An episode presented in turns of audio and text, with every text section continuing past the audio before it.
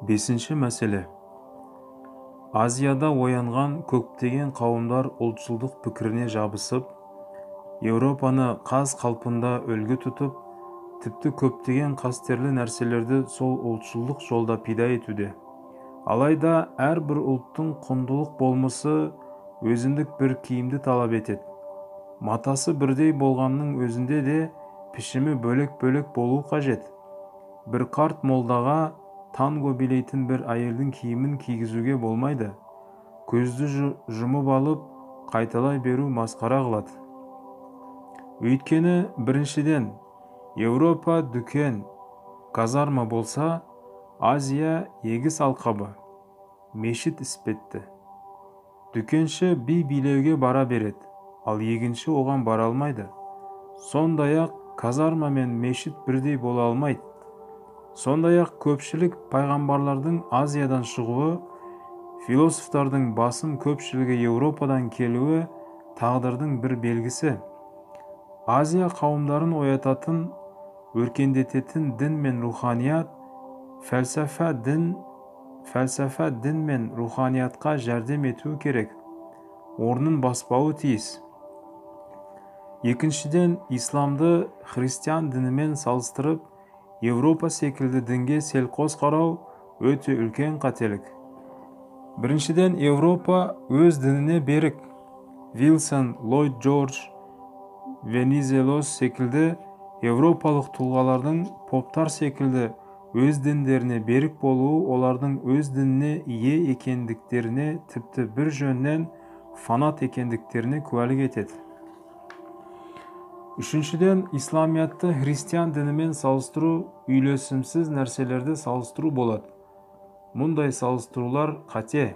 Өйткені еуропа дініне берік кезде өркендеген жоқ. Діндарлықты тастағаннан кейін өркендеді. Сондай ақ дін олардың арасында 300 жылдық ішкі соғысты тудырды.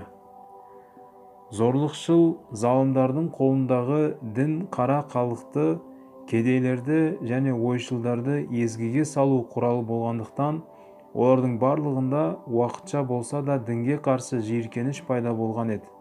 Ал исламиятта тарих куә бір реткіден басқа ішкі соғыс болмаған.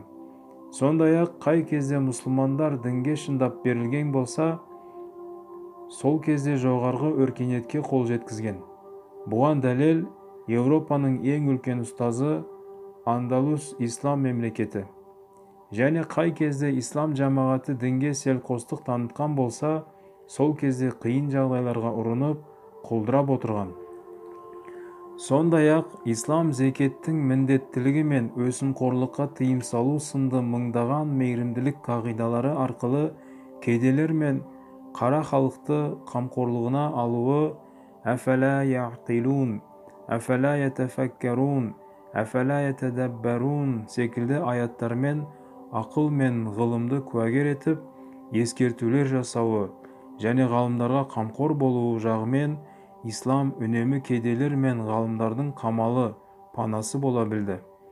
Сондықтан да исламға ренжуге ешбір себеп жоқ. Исламның христиандық пен өзге діндерден айырмашылық хикметі мынада. Исламның негізі шынайы таухид. Сыртқы себептерге шынайы мән бермейді. Жаратушылық дәреже жөнінен де олар маңызды емес. Христиандық болса әке ұл пікірін қабыл еткендіктен себептердің маңызын арттырып жібереді. Былайынша айтқанда илахи рубубиеттің бір көрінісін құрметтілеріне әулиелеріне тәуелдеп береді.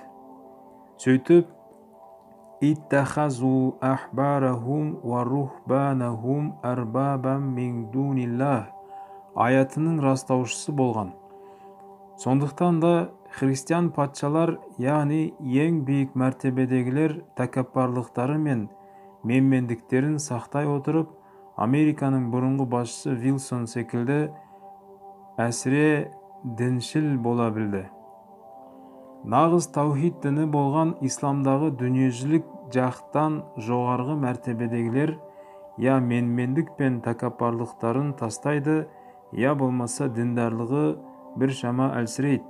Сондықтан да олардың бір бөлігі дінге селқос қарайды тіпті дінсіз болады.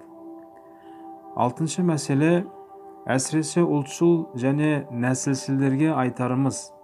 Біріншіден мына дүние соның ішінде осы өлкеміз баяғыдан бері көптеген көшіп қонулар мен өзгерістерге ұшыраумен қатар ислами үкіметтің орталығы осы жерде орналасқаннан кейін өзге қауымдардан да көптеген адамдар тұрақтап қалған. Ендеше ләухул махфуз ашылғанда ғана кімнің қай ұлттан екені белгілі болады. Олай болса патриоттық әрекеттерін нәсілшілдік пікіріне негіздеу мағынасыз әрі өте зиян. Сондықтан ұлтшылдардың және нәсілшілдердің дінге өте селқос қарайтын бір басшысы мәжбүр былай деген тілі діні бір болса ұлты бір. Олай болса нағыз нәсілшілдік емес тіл дін және ортақ отан назарға алынады. Егер үшеуі бір болса негізінде мықты бір ұлт қалыптасады егер біреу кем болса бәрібір бір ұлт болып саналады.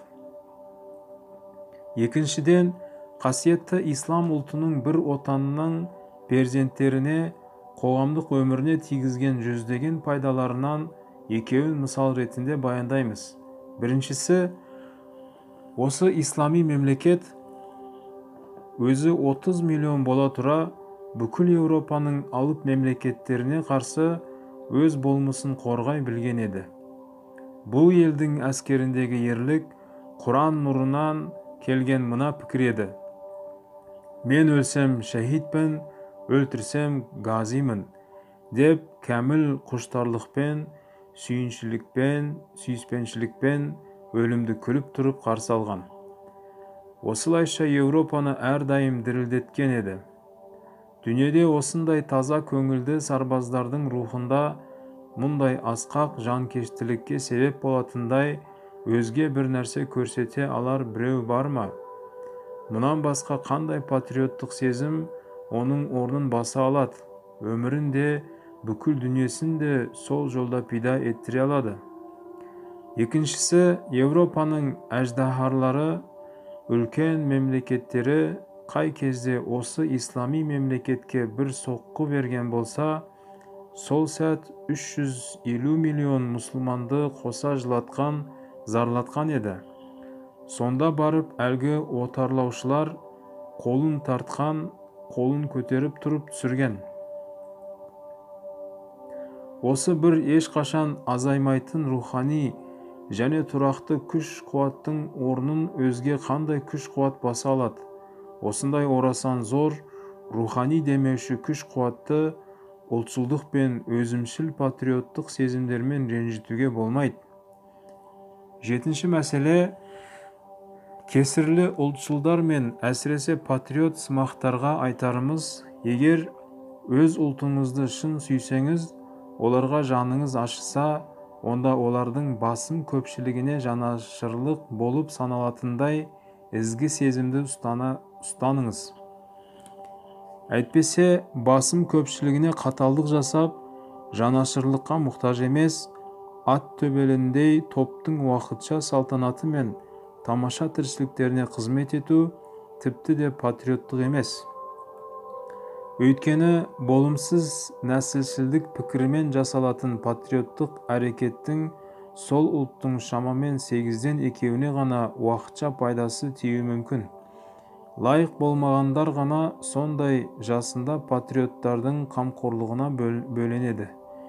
Әлгі сегіздің алтауы я қарт я науқас я бейнет шегуші я бала шаға я өте әлсіз я шынайы түрде ақыретті ойлайтын тақуалар. Бұлар дүниелік тіршіліктен гөрі өздері бет бұрған ақыреттік өміріне қатысты нұр жұбаныш жанашырлық сұрайды. Және қамқоршы қолдарға мұқтаж күйде болады. Бұлардың осы үміттерін үзуге жұбаныштарын жоюға қандай ұлтжандылық жол береді? Жо жоқ мұндай жағдайда қайдағы ұлтқа жанашырлық қайдағы ұлт жолындағы жанкештілік? Аллаһтың мейірімінен үміт үзілмейді. Өйткені жаратушы хақ мың жылдан бері құранның қызметінде болған. Және соның туын ұстауға тағайындаған осы отанның айбынды әскері мен алып жамағатын уақытша қатерліктер үшін иншалла сорын қайнатпас. Сол нұрды қайта жарқыратып қайтадан өз міндетін атқаруына мүмкіндік берер.